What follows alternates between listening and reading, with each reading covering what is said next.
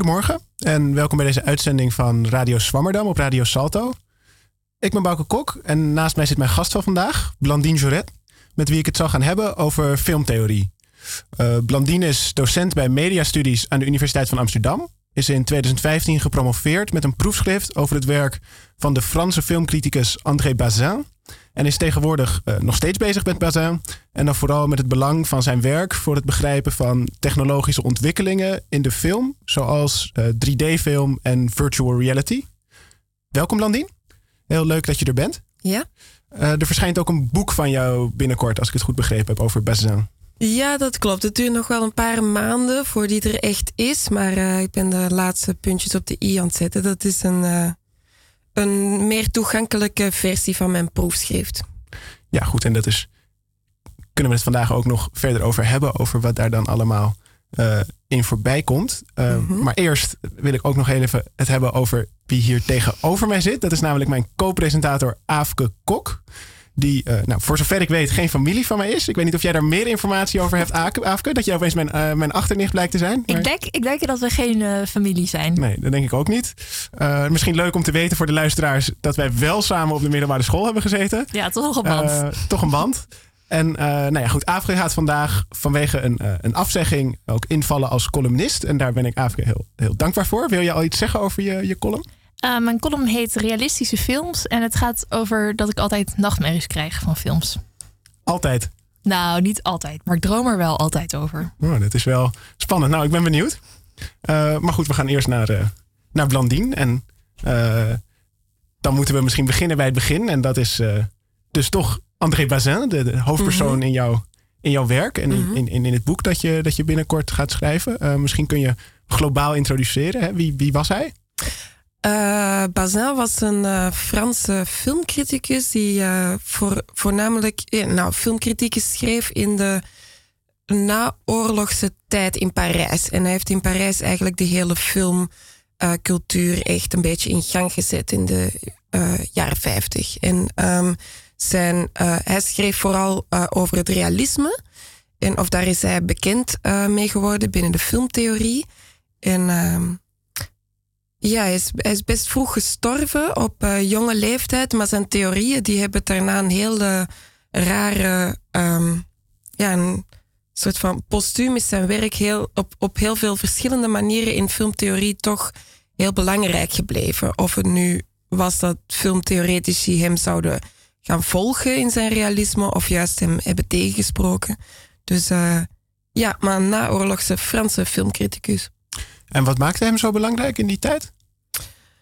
Uh, Bazin was heel sociaal geëngageerd en organiseerde heel veel filmclubs en zo. En uh, schreef ook voor een heel breed publiek. En uh, ik denk dat hem dat vooral echt als een, een, een speelfiguur in die hele cinefilie eigenlijk in, in Parijs. Dus de hele, ja, die filmcultuur heeft ook Cahiers du Cinéma opgericht. Een heel belangrijk filmblad dat nog steeds um, heel belangrijk is in Frankrijk. En uh, heeft ook eigenlijk aan ja, de, de, de Franse Nouvelle Vague en zo is allemaal gebaseerd op ideeën die Bazin um, ontwikkeld had. En die filmcultuur, dus, dus de vroege, vroege cultuur, samenhangt ook met de, met de opkomst überhaupt van de film, is ook misschien sterk verbonden aan, aan Frankrijk, toch? Als ik me niet, uh, niet vergis. Met dus de trein die binnenkomt uh, op het station in Parijs. ja, inderdaad. Dat is die, die allereerste film, zo gezegd, van de Lumière-broeders. Uh, ik weet niet in hoeverre dat te maken heeft met echt iets typisch Frans. Het is wel zo dat de film binnen de Franse cultuur heel belangrijk was en nog steeds is. Maar dat heb je natuurlijk in Duitsland en zo ook. Dus ik weet niet of, dat, of die beginjaren van de film echt typisch iets Frans zijn, maar het is wel zo dat de film binnen de Franse cultuur altijd een heel belangrijke rol heeft gespeeld. Want konden we pas film maken in de jaren 50? Ik heb echt geen idee. Nou, nee, jaren 50 is echt al best ver in de filmgeschiedenis. Dus ze spreken meestal van de eerste film, Lumière films, dat is zo 1895 en zo. Uh, maar goed, dat was toen nog geen, nog geen narratieve cinema, dus daar werden niet echt verhalen mee verteld. En het is wel een interessante vraag, of ja, een interessante opmerking, want het is precies iemand als Bazin die gaat um, zeggen dat film eigenlijk, het idee van film al veel langer bestond, uh, al, al bestond voor de uitvinding van de camera en zo. Dus hij heeft ook over, ja, dus hij, hij gaat cinema als iets veel breder zien als kunstvorm dan alleen maar bewegend beeld met geluid erbij of zo. Dus, uh, Wat kan hij daar dan mee bedoeld hebben? Dat cinema al bestond voor de uitvinding van de camera? Ja, dat is, uh, dat is een, een uh, idee dat, dat hij heeft ontwikkeld. En dat is eigenlijk, daar heeft dat realisme mee te maken. Is dat hij uh, de, het oeridee van cinema bij een soort van psychologische drang van de mens gaat leggen. Dat de mens eigenlijk altijd al een, uh, een drang, een, een verlangen heeft gehad om de realiteit te verdubbelen, om weer te geven. Dus dat eigenlijk zelfs schilderkunst, dat dat uh, uh, een object op een canvas wil weergeven, dat soort drang dat uh, ziet hij als het basisidee van cinema. Dus om ook bewegend beeld en geluid en uiteindelijk ook 3D en zo, dat soort dingen. Dat het allemaal in één verlengde, één idee eigenlijk um, ja, zich ontwikkeld heeft. En film past daarin. In dat bredere idee. Ja, en dan um, heeft hij dus ook een, dus, dus film heeft voor hem een heel sociaal karakter. Dat zei je al. Dat is misschien mm -hmm. ook nog interessant om heel even verder uit te diepen. Ja. Dus dat is, dat is niet iets oppervlakkigs voor hem, als ik het goed begrepen heb. Dat is, dat is iets heel diep verbonden aan, het, mm -hmm. aan de aard van, van film voor hem. Um, kun je daar misschien. Ja, ja zeker. Dat is uh, voor hem heel belangrijk uh, geweest. En um, nou, op verschillende niveaus eigenlijk. Want de tijd waarin Bazin begon te schrijven over cinema, dus dan hebben we het over zijn eerste artikelen waren in 1942, 1945, zo die tijd. Dat is ook het moment waarop uh, eigenlijk filmstudies voor de eerste keer aan de universiteit uh, opkwam. Aan de Sorbonne in Parijs. En uh, dus je had heel veel hoogleraren die ook ineens over cinema wilden gaan schrijven. En Bazin gaat die, die academische benadering um, die in die tijd heel droog was ook, heel echt academisch, die gaat hij bekritiseren. En hij, hij, had het idee van, ja, die hoogleraren die schrijven wel over film, die kunnen eigenlijk beter Latijn spreken, of die begrijpen meer Latijn dan de filmtaal van Chaplin bijvoorbeeld. En Chaplin is uiteraard stille film, dus dat soort kritieken schreef hij tegen de universiteit. En dat had te maken met het feit dat hij vond dat cinema um, een, een populaire kunstvorm is. Dat is het nog steeds trouwens. En, uh, en dat daarom ook die uh, filmbesprekingen ook uh, in een sociale context moeten gebeuren en moeten plaatsvinden. Dus hij ging in, in fabrieken en zo, maar ook in literaire clubs of studentenverenigingen en zo. Daar ging hij um, filmclubs oprichten om, om, om echt ja, sociale discussie van cinema te kunnen teweegbrengen. Had, hij zelf dan ook eigenlijk een academische achtergrond? Of is hij ook echt grootgebracht door de Parijse bioscopen en, en zijn filmclubs? Uh, nee, hij had zelf wel een heel een universitaire opleiding en was zelf heel uh, belezen en zo. Een, een, een, een, intellectueel was het wel degelijk wel. Maar hij heeft daarna uh, tijdens zijn werk als filmcriticus ook in um, uh, ja, popular education, populaire educatie, dus uh, ook gewerkt. Waarbij hij dan echt kinderen van straat heeft geholpen door hen een baantje te geven bij zijn um, filmtijdschrift en zo. Dus hij is eigenlijk daarna in zijn tijd als filmcriticus nog veel meer um, anti-elitair geworden dan dat hij eerst was als student of zo. Hij, hij is wel echt uh, intellectueel onderlegd, zeg maar. Maar dan, ja, dus dat, daar is hij eigenlijk radicaler in geworden. En zaten die mensen in die fabrieken en die zaaltjes een beetje te wachten op zo'n filmcriticus? Uh, nou, hele goede vraag. uh, ik denk het wel. Want dat um, heeft ook, ja, helaas zijn die, die debatten en zo, die zijn nooit geregistreerd geweest en ook nooit opgeschreven geweest. Maar um, het werk van Bazin, als je dat leest, dat is heel toegankelijk geschreven. Dat, eh, dat, dat kan je echt begrijpen zonder dat je filosofie of zo hebt gestudeerd, zeg maar. En, um, en Bazin zelf zei eigenlijk altijd dat zijn beste kritieken dat die gebeurden in die filmclubs. Dus dat, dat dat echt was wanneer het debat op gang kwam en zo. En ik denk wel zeker dat die uh, arbeiders daar nou, op zaten te wachten. Dat weet ik niet, maar dat ze daar wel echt veel aan hadden. Want het past ook allemaal in die naoorlogse periode en zo. Dus dat land ja, heeft een beetje een, ja, een dip cultureel gezien na de oorlog. En film werd ook vanuit de overheid echt ingezet om de, om de moraal bij de mens terug op te krikken en zo. En om terug, ja, dus, ja, dus vanuit dat um, perspectief is het wel, denk ik, wel echt belangrijk geweest ook dat hij dat deed. En hoe keek hij tegenover, hoe stond hij aan tegenover dat soort overheidsprogramma's? Ik kan me ook voorstellen dat iemand die zo'n soort van uh, nou, bottom-up benadering heeft van die, van die filmkritieken, dan ook een beetje sceptisch is tegenover een Franse overheid die dan het volk wil gaan opvoeden? Nou, uh, ik denk dat hij, dat hij daar niet zo moeilijk mee had. Ik bedoel, hij was ook wel in die zin realist. Dat hij ook wel doorhad dat je financiering nodig hebt om uh, tijdschriften op te, op te zetten. En uh, dat soort. Ja, dus dat, dat denk ik niet dat hij daar Oké, ja, realist in alle opzichten. Ja, precies. en, um, want je zegt, we weten niet zo goed wat er, wat er precies gebeurde in die fabrieken. Maar je hebt me wel ook verteld dat hij daar wel handleidingen ook over geschreven heeft. Over hoe je dat soort gesprekken in moet gaan. Dus weten we toch misschien wel iets over zijn benadering dan bij dat soort, dat soort filmclubs? Of hoe hij dat soort discussies wilde voeren? Ja, zeker. Dat, is ook, uh, dat zijn heel interessante teksten van hem. Dus eh, even, Bazin is vooral gekend als een soort van theoreticus die hij niet was. Dus hij was echt een filmcriticus. En daarna heeft de filmtheorie daar zo echt een, een, een, een theoreticus van gemaakt. Terwijl dat was hij niet. Maar die teksten die jij nu noemt, die, die zijn super interessant om te lezen. Want dat, daarbij kan je echt zien hoe hij zich voorbereidde. Uh, heel praktische tips zitten daarin. Van uh, zorg dat je een schriftje bij hebt als je de film voor het eerst ziet en zo. En hoe schrijf je het best in het donker? En dat heel, heel uh, praktische tips. En ook hoe zo'n debat het best geleid wordt. En daarbij zie je dat hij heel veel vrijheid aan zijn publiek gaf.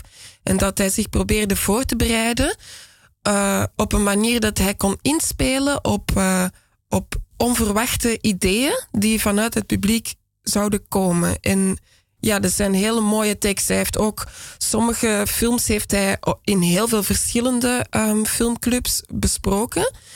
En daar heeft hij dan ook echt soort van rapporten over geschreven. Wat, uh, ja, wat er dan elke keer eh, ja, op basis van het verschillende publiek. Dat publiek merkt vooral dat op. En dat publiek, uh, daarbij gaat de focus altijd die kant op. Dus hij had ja, ja, dat zijn heel interessante uh, dossiers eigenlijk. Pedagogische dossiers bijna van hem. En daar blijkt dus misschien ook wel uit dat er inderdaad dus wel degelijk respons was van zijn publiek. Dus dat ze, nou, zoals je zei, misschien niet zaten te wachten, maar wel ja, ontvankelijk waren en dingen zeiden. Ja, en dat is ook echt grappig, want in een van die teksten staat dus uh, staat zo'n verslag daarover. En hij, zei van ja, sommige debatten die gaan na 40 minuten verschrikkelijk slecht en niemand heeft een idee en zo. En uh, ik moet alles trekken en dan de allerlaatste twee minuten ineens barst los en is het nog echt een goed debat voor iedereen geweest. Dus dat, dat hij, ja, hij, hij ging met zo'n debat uh, in zo'n filmclub nooit zelf de leiding, geef, de leiding nemen eigenlijk. En dat zie je in de manier waarop hij teksten schreef ook. Dat hij ja, nooit uh, wat dan uh, in filmtheorie prescriptief genoemd werd. Is als je zegt van een goede film die moet er zo uitzien en zo uitzien en zo uitzien. hij ging altijd juist het omgekeerde, um, ja, omgekeerde houding, een soort van volgende houding aannemen. Een sturende houding eerder, ja. Want wat voor soort films werden er eigenlijk vertoond in de jaren 50? Waren dat allemaal heel sociaal geëngageerde films? Of waren dat ook een uh, soort, weet ik veel, science fiction uh, of uh, romantische comedies? ja.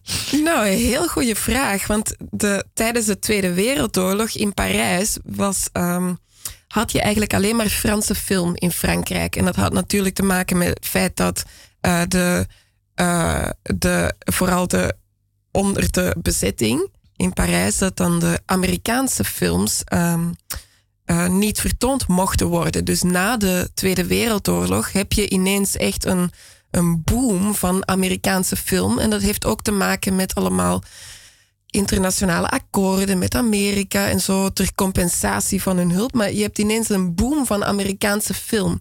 En die generatie van, van Bazin en ook uh, François Truffaut en Jean-Luc Godard, die eigenlijk nog filmmakers die na Bazin kwamen, maar hem dus echt al volgden, die, ja, die schrijven over Amerikaanse film heel veel. Ook wel Franse film.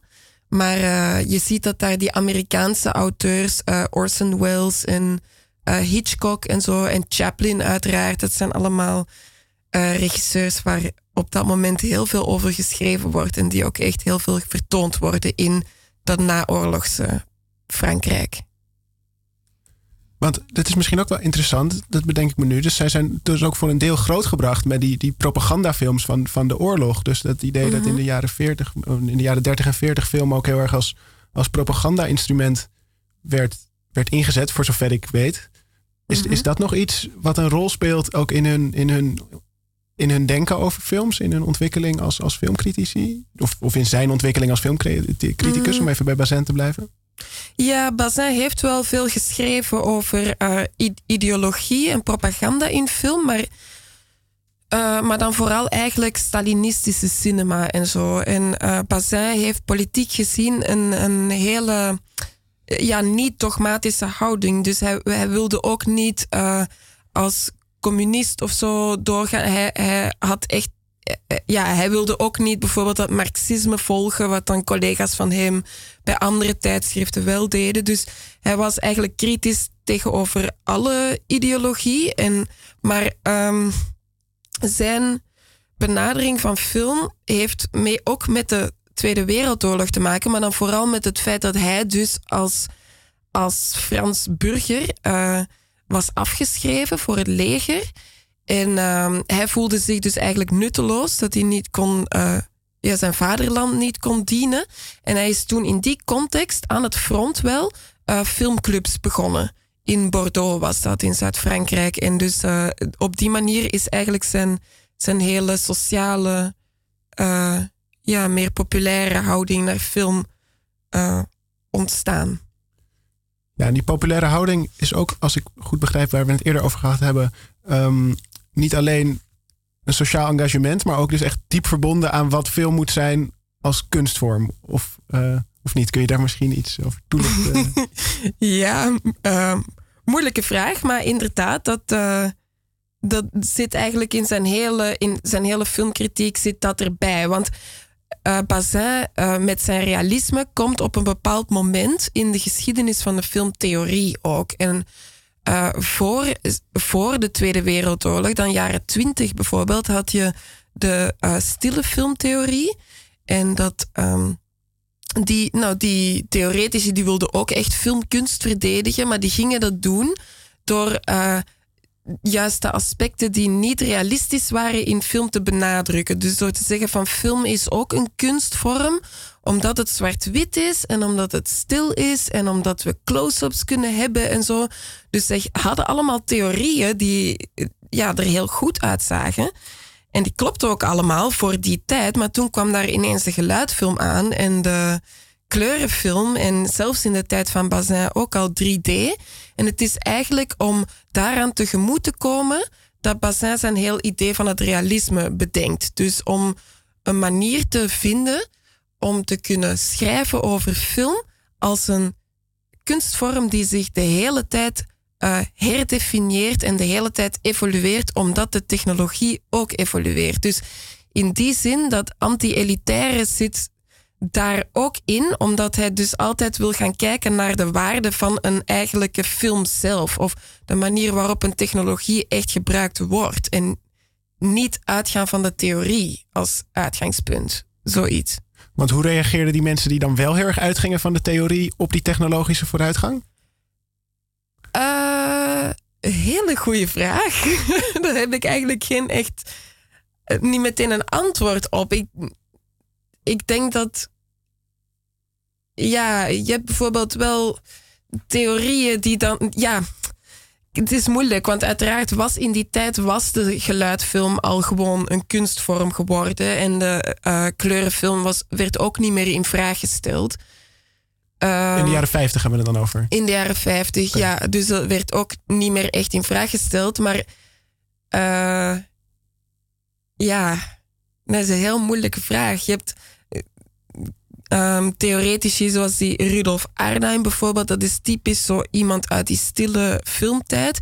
Die gaat dan in de jaren 50 zijn teksten opnieuw uitgeven. Met dan een voorwoord daarbij van kijk, uh, ik had wel ongelijk en zo en dit en dat. Maar de reden waarom Bazin dat zo benadrukt is om inderdaad dat sociale karakter van film te benadrukken. Tegen de opkomst van een te elitaire academische houding eigenlijk. Dus hij gaat uh, het is niet om de geluidsfilm als kunstvorm te uh, verdedigen dat hij daarover heeft, maar eerder om uh, film populair te houden, om dat sociale karakter niet te verliezen. Um, ja. ja, want je hebt het idee dat dus die mensen. Maar goed, dus dat, dat zeg je dus, dus, dus mensen die met een meer theoretische benadering, die gaven ook wel dan misschien hun ongelijk toe. Want de implicatie is inderdaad dat er een soort van heel conservatieve reactie is tegen inderdaad opkomst van dingen als kleur of, of, of geluidsfilms. Uh, en die was er misschien ook wel, maar dus in de jaren 50 al niet meer.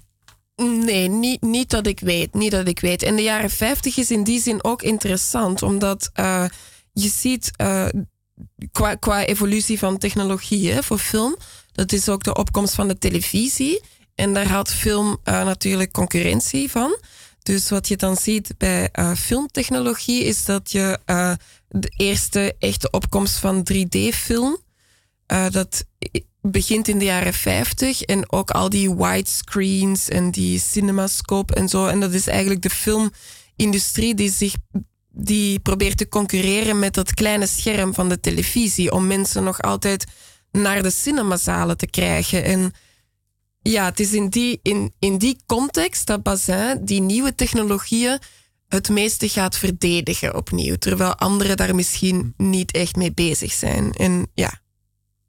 Ja, en we gaan het er misschien ook zo nog over hebben. Maar het, is, dus wel, het is nu al twee keer ter sprake gekomen. Dat dus 3D, daar werd ook al over nagedacht in de jaren 50. En dat is natuurlijk wel fascinerend. Dat lijkt een mhm. soort heel nieuwe technologie. Maar hoe, hoe kan dat dan dat daar toen al over na werd gedacht? En dat het toen toch niet is opgepikt?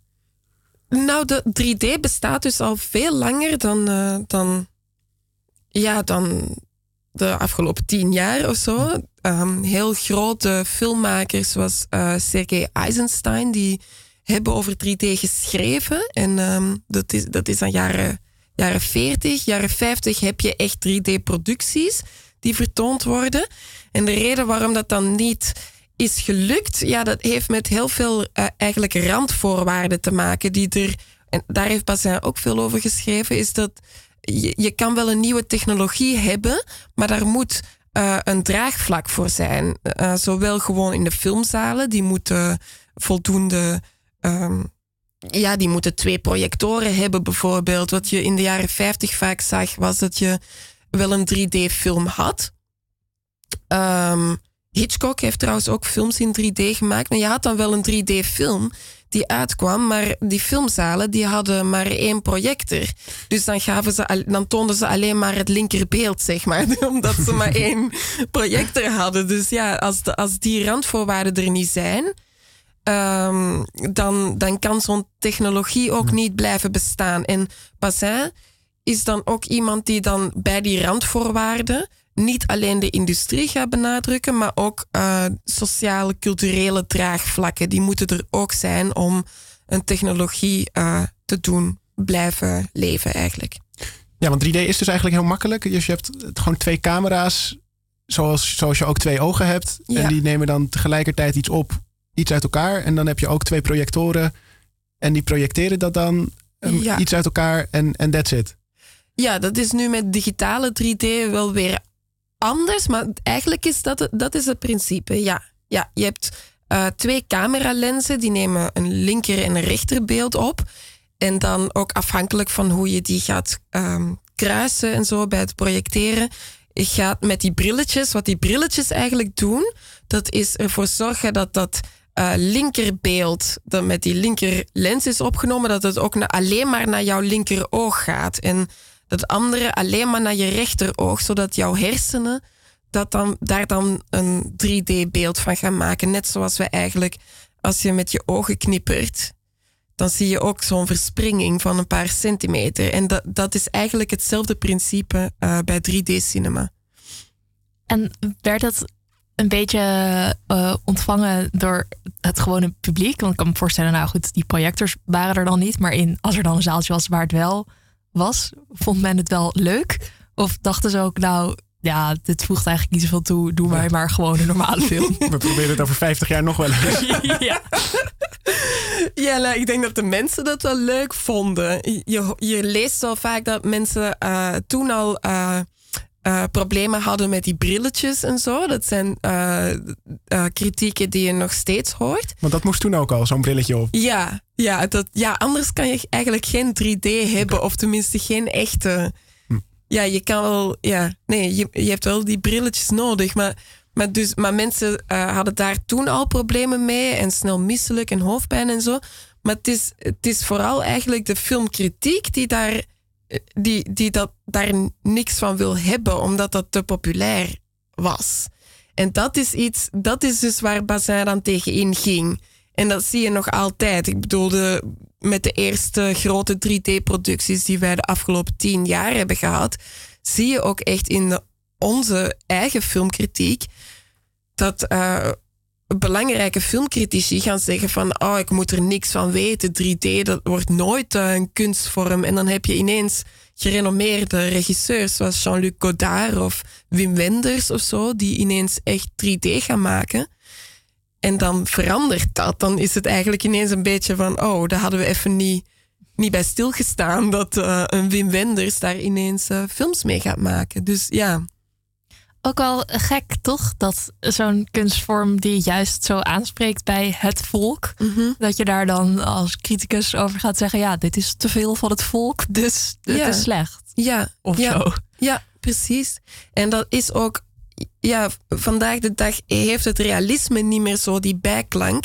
Maar um, in de jaren uh, 30, dus tijden van de stille filmtheorie, toen was realisme echt slecht. Dat, wa dat was echt uh, de decadentie van de filmkunst en zo.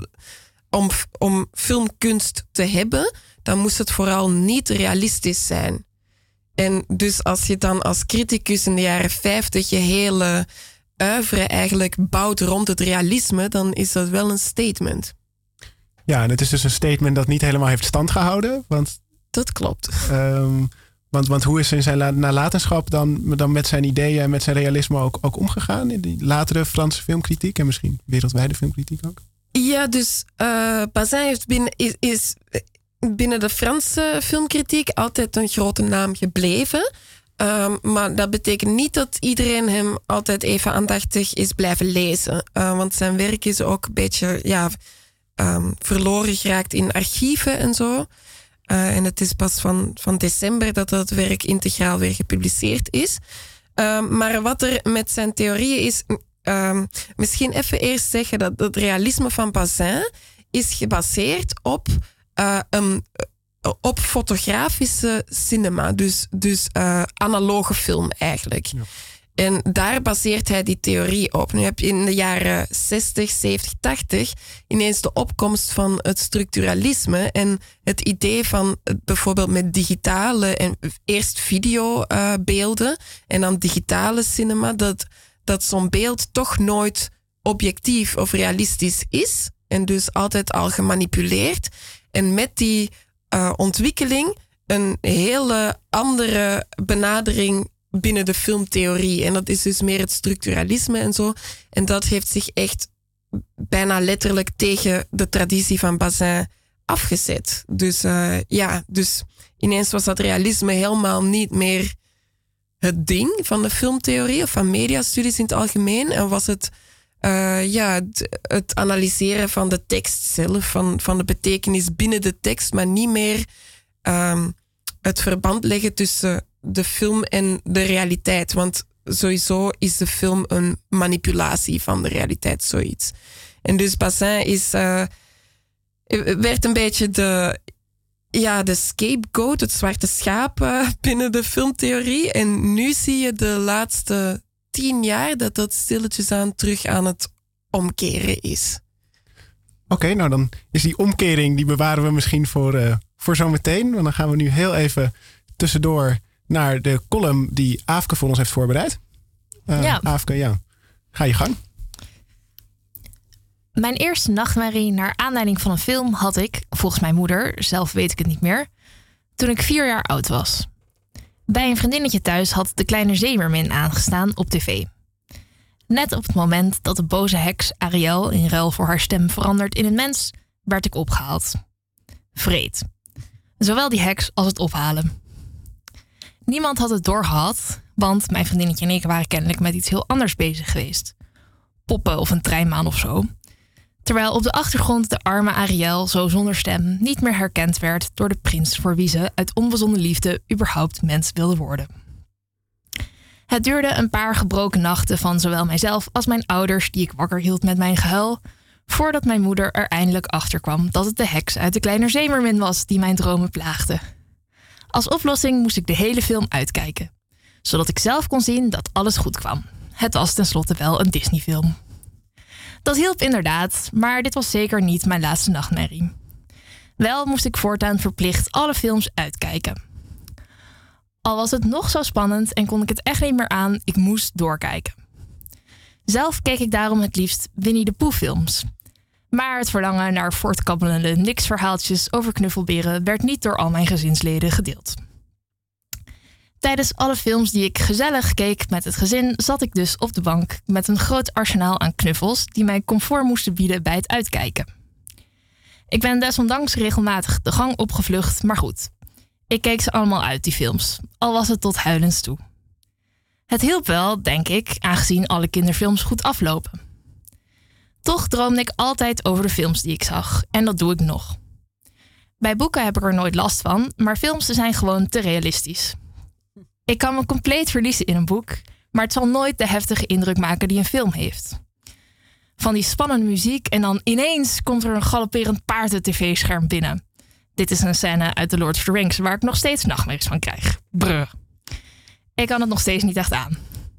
Zeker aangezien films voor volwassenen niet altijd goed aflopen. Of toch wel heel erg spannend worden voor het goed komt. Of voor zo'n vervelend open einde komt. Tot ergernis van mijn vriend ben ik daarom overgestapt op films waar ik te veel adrenaline van opbouw zo snel mogelijk afzette. Soms is het best leuk hoor, dat dromen over films. Als ik droom dat ik een superheld ben, of hier had ik als puber vooral last van, mogelijk ook door het soort films dat ik keek, als de knappe jongeman op mijn droom ik verliefd werd. Enge films vermijd ik zoveel mogelijk, want dat blijft een garantie op nare dromen dat realistische films, realistisch moet je hier met een korreltje zout nemen. Het gaat erom dat het echt voelt, niet dat het waar gebeurd kan zijn. Voor narigheidszorgen kwam ik ook tegen in het tiende deel van Terry Pratchett's Discworld-serie, het boek Moving Pictures. Voor wie de Discworld-serie niet kent, allereerst ga het lezen. Het zijn fantastisch grappige boeken. De Discworld is een platte ronde schijf die rust op vier olifanten. De olifanten staan op hun beurt op een gigantische schildpad die door het heelal heen loopt. De boeken zijn een aaneenschakeling van parodieën op onze wereld, op onze natuurwetten, onze literatuur, films en politiek. In het tiende deel van die serie vinden de alchemisten moving pictures uit, het equivalent van film. Omdat alchemisten niet mogen toveren, tovenaars in dezelfde stad wonen en de moving pictures toch wel erg magisch lijken, vertrekken de alchemisten met hun rollende prenten naar Hollywood.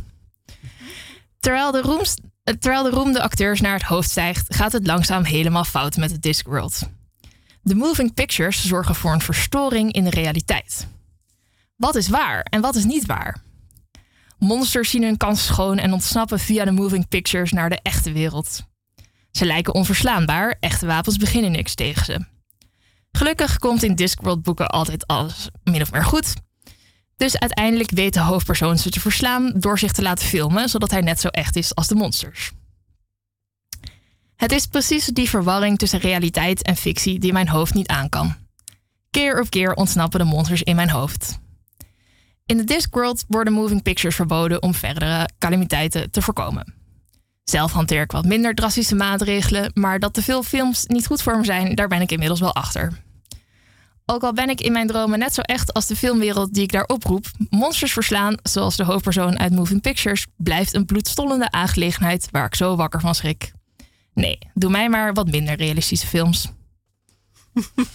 Dankjewel, Aafke. Heel leuk. En volgens mij ook heel direct aansluitend op, op het onderwerp waar we het over gehad hebben. Ik weet niet hoe jij daarover denkt. Mm, ja, ik vind het heel interessant om, uh, om, om te horen. Je hebt natuurlijk meer mensen die ook echt het gevoel hebben dat ze in film stromen en zo.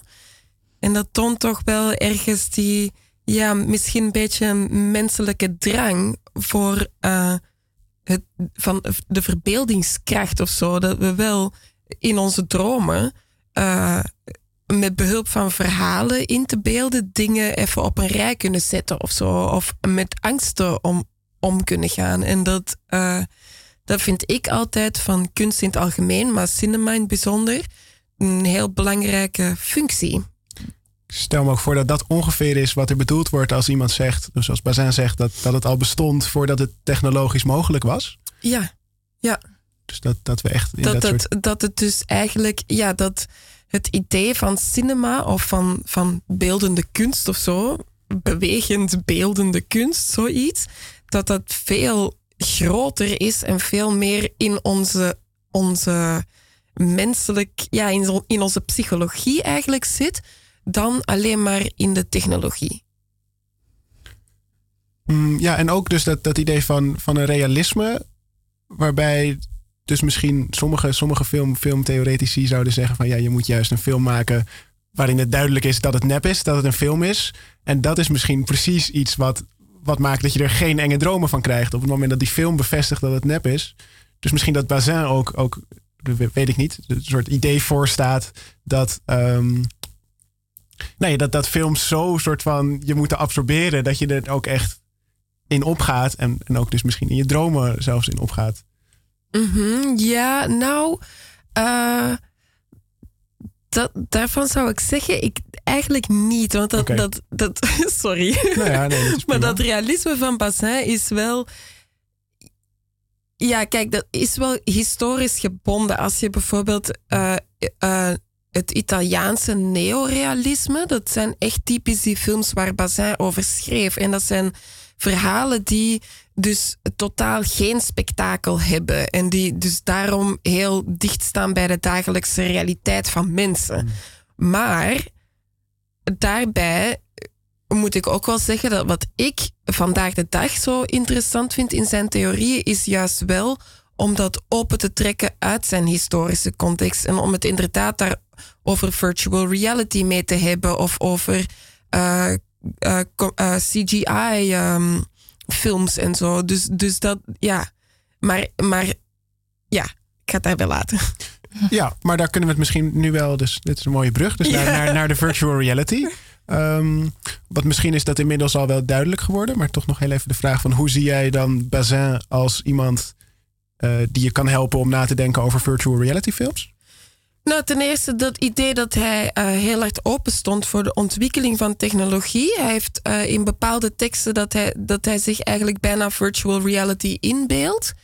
Um, maar uh, vooral, dat heeft vooral te maken met dus dat hij in zijn kritieken um, die openheid naar ontwikkelingen inbouwt. En wat je dus ziet in wat na Bazin is gekomen, dus die, dat structuralisme en zo, al hun theorieën, uh, die zijn eigenlijk gebaseerd op, uh, of heel, ik veralgemeen echt wel hier, maar die, die structuralistische benadering is, is vooral gebaseerd op het idee van een kader bijvoorbeeld. Uh, en, en het idee van montage. En het, de hele filmkritiek van Bazin is juist niet daarop gebaseerd. Dat realisme dat gaat over breedbeelden en eigenlijk het beeld dat de hele tijd uit haar eigen kader probeert te treden. En dat zie je bij virtual reality heel duidelijk. Dat eigenlijk alle, zelfs alle uh, filmtaaltechnieken, bijvoorbeeld monteren of close-ups of slow motions of zo, dat kan niet meer op dezelfde manier in virtual reality. En het is daarom dat, dat juist die manier van denken van Bazin, vanuit dat realisme, uh, heel interessant kan zijn. Om te kijken hoe kunnen we uh, een kritische theorie voor virtual reality opbouwen vanuit mediastudies. Um, maar ook uh, hoe, hoe, hoe, hoe kun je nog verhalen vertellen in virtual reality als je, ja, als, je als kijker ineens veel meer um, initiatief moet tonen om, om daar betekenis uit te halen. Ja, want je hebt soms het idee van virtual reality, dat is gewoon een gimmick. Dat zijn, dat zijn van die installaties die dan in een soort winkelcentra staan. En dan kun je heel even een soort van een soort grappige ervaring hebben. En dat was het dan weer. Terwijl dat zou dus dan. Um, nou ja, juist iets, een soort reden zijn om er met dit op, op, op neer te kijken vanuit de serieuze filmtheorie. Ja, en, en dat, dat gebeurt ook wel nog steeds. En dat is ook afgelopen jaren heel vaak gebeurd. Um, dat bijvoorbeeld virtual reality uh, altijd wordt gelinkt aan, uh, aan pornografie bijvoorbeeld, porno-industrie of uh, online gokken en zo. Allemaal van die, ja, nou in ieder geval niet filmkunst. En, maar de, dat is dus wel de afgelopen jaren stilletjes aan het keren. En dan eigenlijk vooral hier in Amsterdam ook, dat daar um, meer vanuit de artistieke hoek meer aandacht voor is. En ja, want mensen zijn daar wel heel erg mee bezig met, met, met pornografie en met, en met, met gokspelletjes. Want dat. Ja, ja, ja, ja, nee, dat is, dat ik heb dat zelf niet zo heel veel. Uh, nee. ik weet daar zelf niet zo heel veel over. Nee, maar nee, dat, goed, dat snap ik. maar dat is wel blijkbaar, ja. Maar kan je überhaupt een film maken met virtual reality? Is dat al eens gedaan? Uh, ja, zeker wel. Ja, ja. Um, bij uh, het iFilm bijvoorbeeld hebben ze een serie uh, Extended, waar ze om de zoveel maanden um, uh, VR-installatie tonen. En ja, het kan dus wel echt al een film, maar het is moeilijk om echt het langspeelformaat te hebben. Dat is dus anderhalf uur film of zo. Dat, dat is heel moeilijk in virtual reality. Maar ja, onlangs hadden ze die hele grote installatie van die um, Carnegie Arena in AI. En uh, dat is een voorbeeld van een heel gerenommeerde regisseur. Uh, heet hij. En uh, die kennen we van films als Babel, maar ook The Revenant en... Um, nou, ik vergeet even een paar, maar een bekende grote naam. En hij heeft dan een vier minuten durende VR-installatie gemaakt. En dan zie je dat, dat, dat die technologie wordt opgepikt door door filmmakers die daar iets nieuws op een andere manier mee, mee willen vertellen. Ja, we hebben toevallig een, uh, een fragmentje klaarstaan met een interview met hem. Daar kunnen we misschien wel heel even naar luisteren. You know, film in a way is a bidimensional tiny reality that I create in a 20% of your brain that you passively observe. But this is basically the end of the dictatorship of this frame. You go into, and you take the space, you own the space, and I do not control. I just create 20%. Here I create 360 degrees of your universe, but you are free to do whatever you want, which is terrifying. but I expose all of these people, like all the time they are really alive. Here is very easy. Honestly, to make films is mm-hmm. very primitive. It's like, you know, I, I show you that you have and you have to imagine the other reality that I don't show you. So if two guys are in a restaurant talking, you have to imagine the waiters behind. But you made your mind here, but I don't have to show it to you. You just put some sound and that's it. Here, if you turn, I have to put the waiter there. Ja, hij, hij doet ook wat dingen met zijn handen tussendoor om duidelijk te maken dat het, ja. um, dat het, dat het, dat het sommige dingen over het platbeeld gaan en sommige dingen over VR. Dat, het, dat missen ja. we nu. Maar het is misschien toch wel duidelijk dat um, dat hij, als hij het heeft over 20% of your brain, dan gaat het dus over echt die platte films. Dus daar, daar zegt hij over dat. Ja. Um, en dat, dat idee van passively observe. Dus er komt eigenlijk heel veel voorbij aan dingen die die um, interessante dingen die hij zegt. Mm -hmm. uh, dus, dus wat bedoelt hij als je maar 20% of your brain gebruikt bij, bij, bij platte film? Nou, dat, dat heeft te maken met wat, wat hij zegt van passively observe. Je hebt binnen de filmtheorie ook een heel groot thema rond de passieve en de actieve kijker. En vanuit het structuralisme is, wordt de kijker eigenlijk altijd gezien als iemand die passief soort van ideologie of zo opslorpt. En als regisseur heb je dan echt de touwtjes in handen.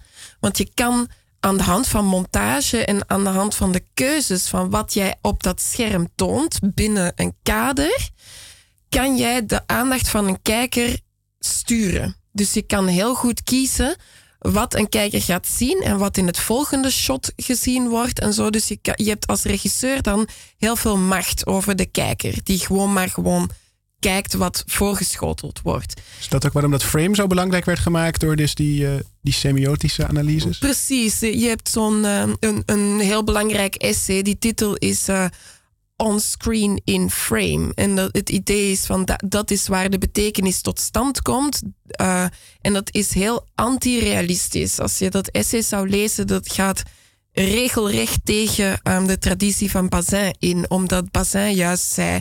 Nou, het is niet in frame. Het is in de offscreen dat alles gebeurt. En dat zie je, wat, wat uh, hier ook zegt, is dat, dat um, in virtual reality creëer je geen kader, maar je moet echt een, een hele wereld creëren. Want als kijker zou het zomaar eens kunnen dat je omdraait. En daar moet dan ook iets zijn. En ja, ik vind ook trouwens dat hij een beetje dat hij niet helemaal eerlijk is hoor in dat citaat. Want ik was erover aan het nadenken van ja, heb je dan minder uh, controle als regisseur? Dat is ook weer niet zo, want hij, hij moet eigenlijk op een veel subtielere manier die aandacht gaan leiden van een kijker. Want hij, moet, hij gaat bijvoorbeeld in die installatie die, uh, die ik dan had gezien in AI, um, daar, daar gaat hij bijvoorbeeld aan de hand van uh, geluid of uh, licht en zo gaat hij proberen ervoor te zorgen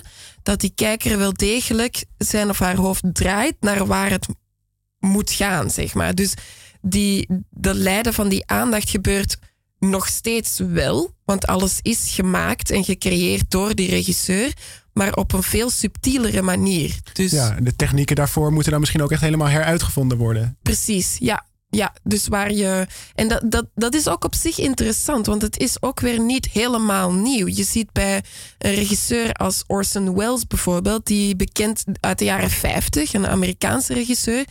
Die staat bekend voor zijn uh, gebruik van diepte in het beeld. Dus dat gewoon platte, platte cinema, zeg maar. Maar hij ging aan de hand van de setting en lichtgebruik en zo, ging hij gebruik maken van diepte. En, en dus bijvoorbeeld, ik zeg maar in de achtergrond uh, een, een spotje of zo aan hebben, dat de kijker dan wel naar dat lichte puntje in dat scherm gaat kijken. Dus dat is ook eigenlijk al het leiden van aandacht en het zorgen dat een kijker die zelf kan kiezen in die diepte, waar kijk ik naar, om toch wel die aandacht vast te houden. Maar dat, dat begint dus, ja, dat wordt dus in virtual reality nog veel belangrijker omdat je alle kanten uit kan. Ja, je was ook bij zijn film in AI? Uh, ja, de Arena. Ja. ja. ja. Ja, hoe, hoe was dat? Kun je daar iets over vertellen? Ja, dat was heel bijzonder. Uh, vooral omdat uh, ja, het is eigenlijk de eigenlijke VR-installatie is heel kort. En dat was ook niet in het filmmuseum zelf, maar in een oude filmstudio ergens in Noord. Um, op zich is dat uh, heel bijzonder om mee te maken, want je hebt helemaal geen sociale ervaring meer als uh, filmkijker. Je gaat echt helemaal alleen. Dan moet je eerst tien minuten in de kou wachten in een wachtruimte. En die ziet er dan zo uit als een detention center. Die installatie gaat over uh, Mexicaanse vluchtelingen die de grens oversteken naar de Verenigde Staten. Dus je krijgt eigenlijk al de hele tijd een, bijna echte ervaring mee. Je hebt ook je schoenen uit, koude voeten.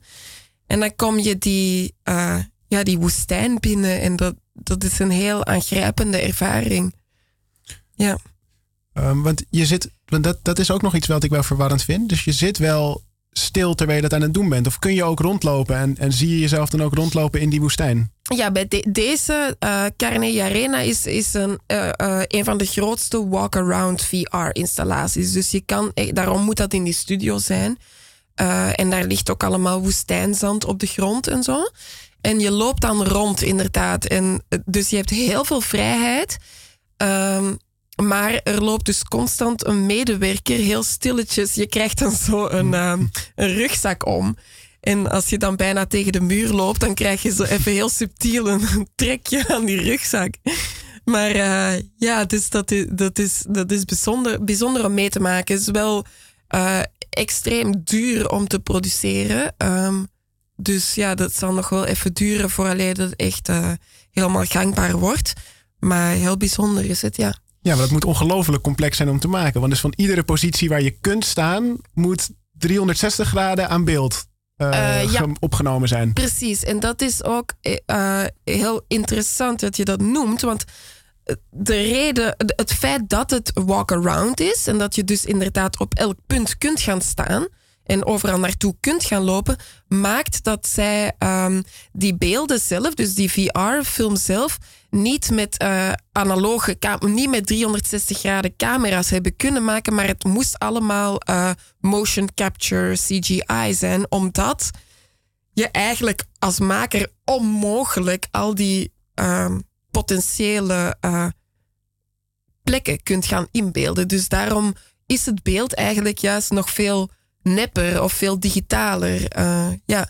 En wat ook heel interessant is, is dat je uh, als kijker nooit dezelfde ervaring hebt. Dus je loopt een andere hoek om en je hoort een andere conversatie. En het, ja, dus je hebt echt een andere ervaring van die film als je naar buiten komt. En staat dat dan misschien niet in de weg van dus dat idee van het sociale aspect van film? Dus het realisme is duidelijk, dat, dat, dat, dat is, uh, is duidelijk hoe dat terugkomt in virtual reality. Maar komt dat mhm. sociale karakter van film, dat natuurlijk in het werk van Bazin dus ook zo aanwezig is, is dat nu weer terug te vinden in VR volgens jou?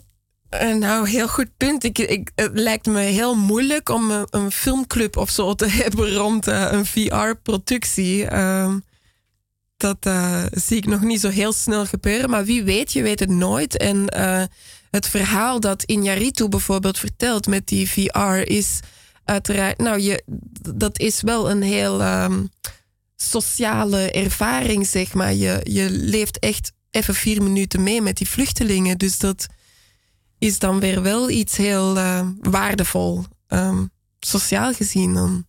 In die zin is toch ook in een gewone film kijk je misschien net naar iets anders dan een, een, uh, iemand die naast je zit in die bioscoop.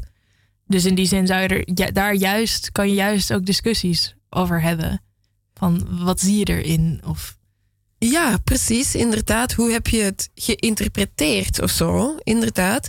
Uh, bij VR heb je gewoon. Heb je, ja, gewoon los van de interpretatie. Gewoon kan iemand. Uh, je hebt bijvoorbeeld zes groepen mensen rond je heen. En ik kan kiezen om naar groep 1 te lopen en daar die conversatie te horen. En jij kan naar groep 3 lopen of zo. En dan hebben we eigenlijk een andere film gezien. Dat is meer. Uh, wat ik bedoelde. Ja. Maar het is natuurlijk ook als je samen een plek bezoekt, dan kun je het er ook achteraf over hebben. En dan heb je wel samen die, die, die plek bezocht. Misschien dat, is dat, de manier is. En je ziet ook wel dat mensen die naar die VR-installaties zijn gegaan, dat, dat, daar is ook wel heel veel over geschreven en heel veel discussie rond uh, geweest, uiteraard. Ja, want is die doorbraak nu ook wel echt geweest dat mensen dit nu echt serieus nemen als zo'n Iñárritu dat, dat, dat nu doet?